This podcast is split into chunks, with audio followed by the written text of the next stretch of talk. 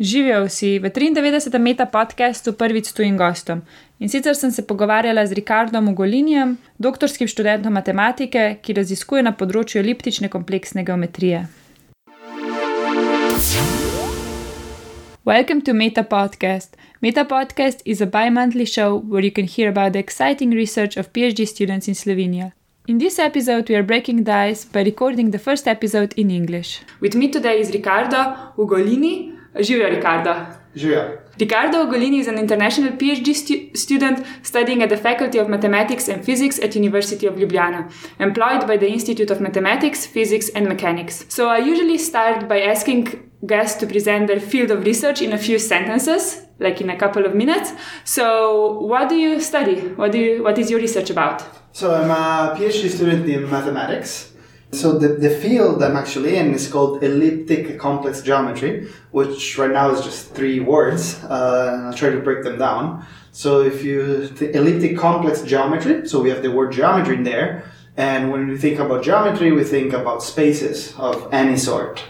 And um, now with the word holomorphic, well, before I tell you what is holomorphic, I'll tell you what is a structure on a space you're very familiar with structure spaces. For instance, you know what a distance is and you know what angles are. Or even weirder things like color or even like how hard a space is in the sense like maybe it's a floor or something. And so this you can think of structure of the space. And I'm studying a particular structure which is called holomorphic. And I'm not going to tell you what it means. It's just imagine it as a structure. And the word elliptic is there to tell you what we studied the case when these uh, spaces with the structures are very flexible. So the word elliptic in this sense means flexible. So, what got you into mathematics? How did you start? Did you study mathematics before? Yeah, actually, I always uh, liked mathematics. I, um, I think, I mean, my parents tell me that the first time I ever asked a math question, uh, this was when I was seven or eight. I was asking uh, what were fractions. I don't know, maybe I heard this word somewhere. And then they gave me a book, and which is called The Numbers Devil in English. It's a story about a kid uh, that dreams. I mean, he goes to school and he completely hates mathematics, and but then he dreams about this numbers devil that comes to his dreams, and at the beginning they're just nightmares because you're doing math while you're sleeping. But then he starts to enjoy it. And I learned a lot from this book, and since then I always liked it. So it was natural for me to go study mathematics in my bachelor and master degree in Rome. And now I'm here for my PhD. And what got you to Ljubljana? Oh, um, well, the combination of things. So there was uh, my advisor in Rome uh, asked me if I wanted to do a PhD. I said yes, uh, abroad or here. I don't care. And he said, okay, then I have the perfect place for you. You should go to Ljubljana. There is this very strong researcher, Franc Forstnerič. He can be your advisor.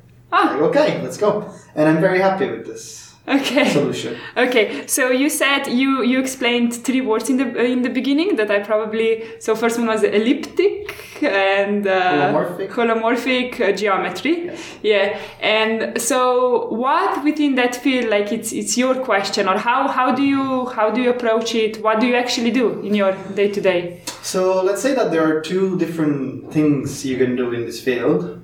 You can try to determine so you give me a space so a geometric object with this holomorphic structure, and you might want to determine if it is flexible, so if it is elliptic, and how much is it elliptic. So this is one side of things you can go. Determine if something is flexible and how much.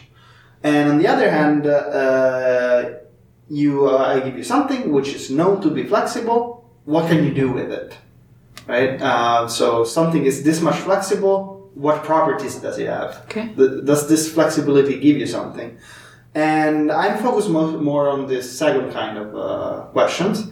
Okay, so I, I saw a couple of your um, papers and uh, presentations, and I I noticed like you have you have some preposition and then you you have a proof or you have some equations that i guess you developed throughout your work and learning about things. And i just wonder so you're talking about the flexibility of these objects in in these spaces. So what, what more in detail could you go a bit more in detail of what what actually all those equations or all this research that you did means for the field? And what are like open questions maybe or what, what would you like to, to carry on in the future? So I think the um, most successful thing I did so far uh, was a paper uh, called A New Notion of Tameness. So basically, when we have these flexible spaces, when they're flexible enough, in particular the ones I'm studying, one thing you can always so when I say flexible, what I mean is that there are a lot of symmetries, and uh, in particular, since there are so many, every time I give you I don't know two points, you can find a symmetry which sends the first point into the second point. And actually, the spaces are so flexible that if I give you I don't know hundred points and hundred other points, you can always find a symmetry that sends the first 100 into the second 100, which is very nice, and this you can do for any number of points. So the next question one can have in mind uh, is, uh, what about if you have infinitely many points? Okay, not just a finite number, a hundred, a million, but infinitely many. So I give you infinitely many on one side, infinitely many on the other side. Can you find a symmetry which sends the first infinitely many to the second infinitely many? And it was discovered back in 88 actually that this is not always the case, even for very flexible spaces. You cannot always do this. And uh, but this paper that I'm mentioning in 1988, they showed they showed this for a particular very flexible space, like one. Uh, what, what we managed to do was to go a bit into more any flexible space. So we try to generalize this notion that they had to some bigger space. I mean, to not bigger space, a bigger class of spaces. So you, you can take more spaces, not just this one they started with. And there we also figured out the same kind of uh, questions and try to prove the same kind of things. But of course, you don't have the same tools because you're in a more abstract setting. So you have to develop new tools or borrow it from somewhere, which is usually the case. And I think uh, we did, we did uh, a good job with this. I have uh, one co-author on this. And um, so the questions uh, we are still left to answer is um, let's say that you have this infinitely many points and you move them a bit. You wiggle a bit. In a space. yeah, yeah. Okay. You have these points in the space Yeah. and you wiggle these points a bit. Yeah. Is there a symmetry that sends these wiggled points to the original points? So, yes, there is a lot of tri- symmetries, but is there a lot in some sense of local symmetries, right? Because you only wiggle them a bit. And the problem is that they're infinitely many. So even if you if you have if you have a small wiggling, but infinitely many small wiggling, this is not necessarily small. This in some sense can be very big. And uh, so this is the kind of questions we're looking at. How do you build your studies or your research? Well, I think there is some people that say that mathematics is completely different from other sciences. I don't completely agree, especially in let's say day-to-day life. We still have our there is literature, a huge amount of literature. Uh, I mean, math has been going on for what five thousand years, and there's always some building up. And uh, so you need to study a lot even before you actually can try to understand these things. And um, but I think in your everyday life you actually follow a similar thing. Like you read the literature and you come up. Sometimes you find questions which you're like, oh, I can answer this. Very very uncommon, and uh, at least at this stage. Or uh, sometimes you come up with your own questions and you try to answer them. Oftentimes you will not manage to answer them completely. Maybe you find a partial answer or something like this which I feel is what happens in other fields. It's just that we don't have to design experiments in some sense. You just have to sit down with a piece of paper and write your ideas. And so I saw your papers basically, like I mentioned before, you have this preposition, you have proof, you have lots of equations. And I was wondering, how does peer review then look like? Does So usually the the reviews you get, they start with just some uh, general comment, like if they like the paper, if they don't like the paper, if they think it's relevant, uh, like they, you know, just a general assessment, just comments. Uh, but then they do go into details, and they might be like, uh, I don't know, on the twentieth line of the proof of uh, this theorem, uh, I think there is a mistake. Maybe they say it's a, I think it's a big mistake. You should really you know, maybe actually the old theorem is completely wrong because of this mistake, or they just say, oh, you know, there is a mistake, but I think you should be able to fix it, and then in the review process, you go a bit back and forth until you converge to some proof which is really a proof. Mm-hmm. So you're talking about these symmetries and like seeing in other spaces whether it's the same, whether there is a symmetry between two points. So how how can you imagine? I mean, for me, like okay, I can imagine three dimensional space, let's say, but when you have those n dimensional space, how how do can you describe it? How do you imagine it? Um, so actually, I'm part of a project called uh, Science Bytes and uh, there we present uh, some small topic from our fields to the general public. And I actually did explain there how you can try to imagine four-dimensional space. And uh, maybe that's a bit too long to do here. Um, but I think four dimensions is relatively easy. You can already think of just uh, the three spatial dimensions plus time. So, you know, you can think of, I don't know, a sphere in four dimensions. Is uh, if you think of the four dimensional time you can just think about it as a regular sphere in our three dimensional spaces that is a point and then enlarges to a big sphere and then goes back to a point. Something like this. Okay. And um, of course this doesn't give you the spatial intuition about it maybe. And uh, you do use some geometric intuition. So like you think about like you do draw lines or spheres or points on the whiteboard to try to get an intuition behind it. But then when you actually work on the things, you have to go through the formulas. Okay.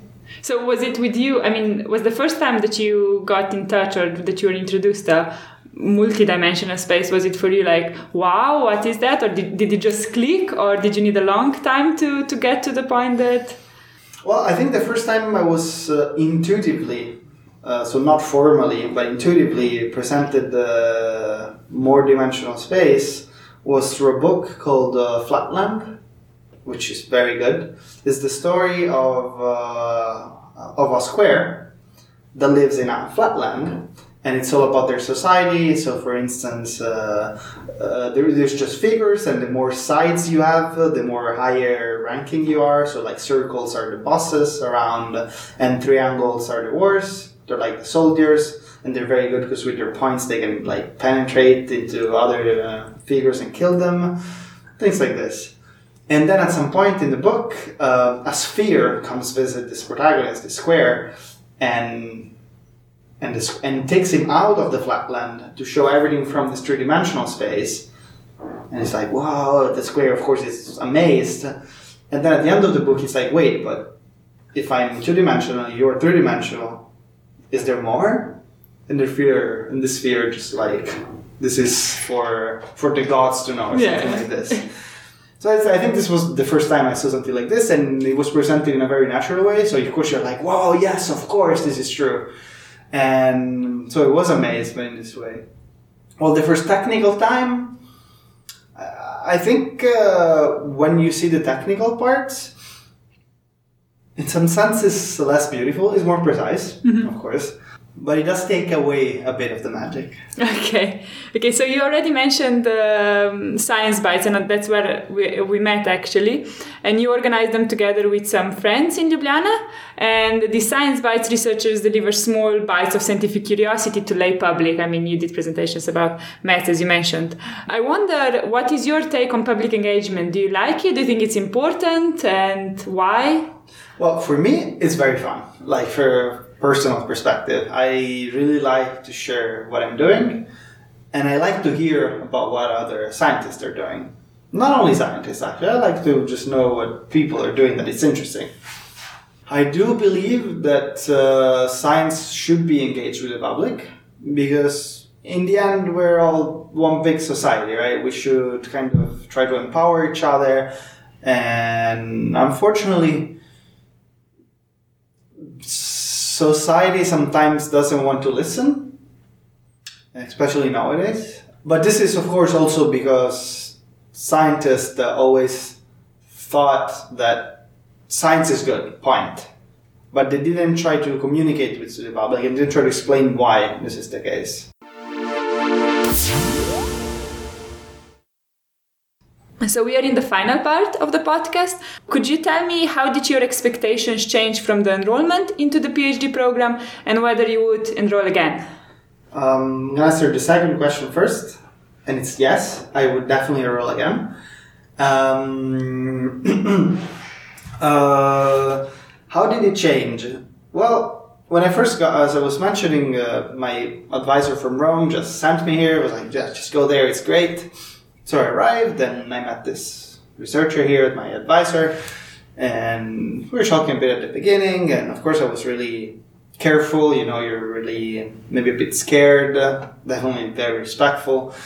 And but at some point, I was like, okay, but what is a PhD? You know, I, I never did a PhD, and I asked him, so what am I supposed to do in my PhD? What's like the ultimate goal? Just write a thesis, or is there more to this? And he's like, no, actually, I believe that uh, in a PhD, what you should be able to gain is independence. At the end of your PhD, you should be an independent researcher. You should have your own questions. You should be able to come up with your own questions uh, and things like this. So this was not part of my expectations. I didn't know that this was. I mean, maybe because I didn't think about it. Uh, I didn't think that this would be something important. Uh, so I think this is what changed immediately. That the thing to do was gaining independence, and I think I'm I'm on a good track. Okay, yeah, it's great. Um, if you would have an option to go for a coffee with the prime minister, I don't know whether you're going to choose Slovenian or Italian. uh, what would you suggest to change in the field of science? Well, uh, given the political situation in Italy right now, uh, it seems that the, um, the Ministry for University and Education is actually relatively adverse to science in some sense, or at least to the scientific process. not to science as, I mean, science is this abstract term so when I say scientific process, I mean more like the researcher studying, learning, uh, teaching also, you know, everything. So what would I suggest? Well, I would really ask to have a less demonization of science. Um, I mean, sometimes this uh, position say, "Oh, this scientist in the ivory towers, we don't know what they're doing." It's kind of they look at us with suspicion or something, and this just feels very weird um, because of all that science brought us. Okay, of course, it brought us also bad things, so but definitely brought us a lot of knowledge. And so that, and of course, I would ask for more funding because that's what we always want. And uh, in Italy, at least, uh, I think uh, in this moment we need uh, more spread funding. So there are some very good uh, um, financing for very good places and that is of course very cool. Uh, but I think the smaller universities are struggling a lot, and this in turns into less and less positions, and the only positions are these places which are excellence, but they're very competitive, uh, so it's very hard to lift everything from this few small points. Where do you see yourself in five years' time and in 40 years' time? So I guess this uh, relates a bit to the previous answer so I would like to continue academics, so stay in the university. Uh, but given the state of things, it used to be maybe some 30 years ago that you finish your PhD and you apply for a tenure track. So it means that you do maybe some three or four years just as a researcher, and then you can be, become associate professor, and then eventually ordinary, etc., etc. Now there is a big gap between being a PhD and starting a tenure track, and this gap can last from. I mean, sometimes there's no gap still for very very uh, good researchers. But let's say for the rest of us, uh, you usually have to do at least uh, two or three postdocs. Uh, postdocs are just some contracts which are very short, between one and two years usually and um, so you have to go somewhere and accept whatever you find because there's not so many options for this. So finishing your PhD, you have to move somewhere, be there for two years, then you're done, and you have to move somewhere for two more years, and then eventually maybe applying for a tenure track. So I hope that in five years I will be starting some kind of a permanent position. And well, in 40 years I will be 67 happily retired uh, somewhere in the mountains of Slovenia. Would you like to stay in Slovenia? Or, uh, Actually, yes. Yeah, you like they. Right now, they tell me, "Hey, there's a position for you here." I'd be like, "Yes, sure. I'm in. I'll okay. stay." Okay. Uh, do you know of any software or apps you would recommend to other PhD students to ease and aid their work? Uh, so for people in mathematics and um, I think theoretical physics as well, there's a very well-known website which is called arXiv with a chi, the, so the X, let's say I A R X I V. Uh, and there, every scientist from this field just publishes, put, puts their preprints. So before you send them to review, or as you're sending them to review, you just put them there because the review is a very long process and can take up to two years, right? I mean, usually not, but it happens. So you don't want. Uh, I mean, you probably. I mean, you have something that you know right now, and in two years it might be a bit obsolete. So you just want to put it somewhere, and this is the place. Um, I don't use them myself, but I heard very good things about Mendeley. It's a software where you just say all the papers that you know that you're interested in, and it suggests you new paper in that field. So I think that's pretty nice. Also, ResearchGate does that for you. Okay. So that's good. Uh, do you have a recommendation for a book, board game, movie, webpage, or podcast? So, well, for podcast, I'm clearly uh, recommending Metapod. I'm a big fan of board games, and uh, when I was thinking about this question, uh, I thought that the game maybe I would suggest, so a bit more sciencey, is photosynthesis. It's a relatively new game, and it had nothing to do with mathematics. Uh, but basically, you represent every player. It's a different kind of plant and uh, a different species of plant, not one plant, but like whole species. And you're trying to grow as much as possible. And uh, there is the sun, so you need to catch as much light as possible and possibly put in the shade uh, uh, other players' plants, right? Uh, is that all? Oh, Or I mean, have- board games I can talk for, uh, For- hours for and hours. hours. Okay. Oh yeah, a game I like really a lot is Time Stories. You play usually in four, and uh, it's a game which is a story. And uh, you can play it only once because it's a story and it has mysteries in it. So once you're done, you're done, and then you can buy a new deck. And if you're five, I mean, if you're four people, it's actually not that expensive. The base thing it's eight euros each, with a story, and then each new story is five euros each. And uh, I mean, I played the first story; it took us seven hours to solve, and the second story nine hours. You're meant to do this in multiple sessions, but we were just so much into it. Okay, uh, thank you, Riccardo. Thank you. You have been listening to Meta Podcast. Meta Podcast is a fortnightly show where we talk with doctoral students coming from diverse fields of science studying in Slovenia about their research. Poslušali ste Meta Podcast, v katerem se pogovarjamo z mladimi znanstveniki in znanstvenicami z različnih področji znanosti. Podcast domuje na spletišču metinalista.si, kjer najdete tudi druge zanimive znanstvene vsebine. Naše delo lahko podprete z donacijo Metini listi, pohvale, pripombe in predloge lahko posredujete po e-mailu znanost.afna.metinalista.si. Dobrodošli so tudi komentarji na Facebook profilu Metine liste in na Twitterju Afna Metina lista, kjer uporabite hashtag MetaPodcast. Se slišimo čez 14 dni.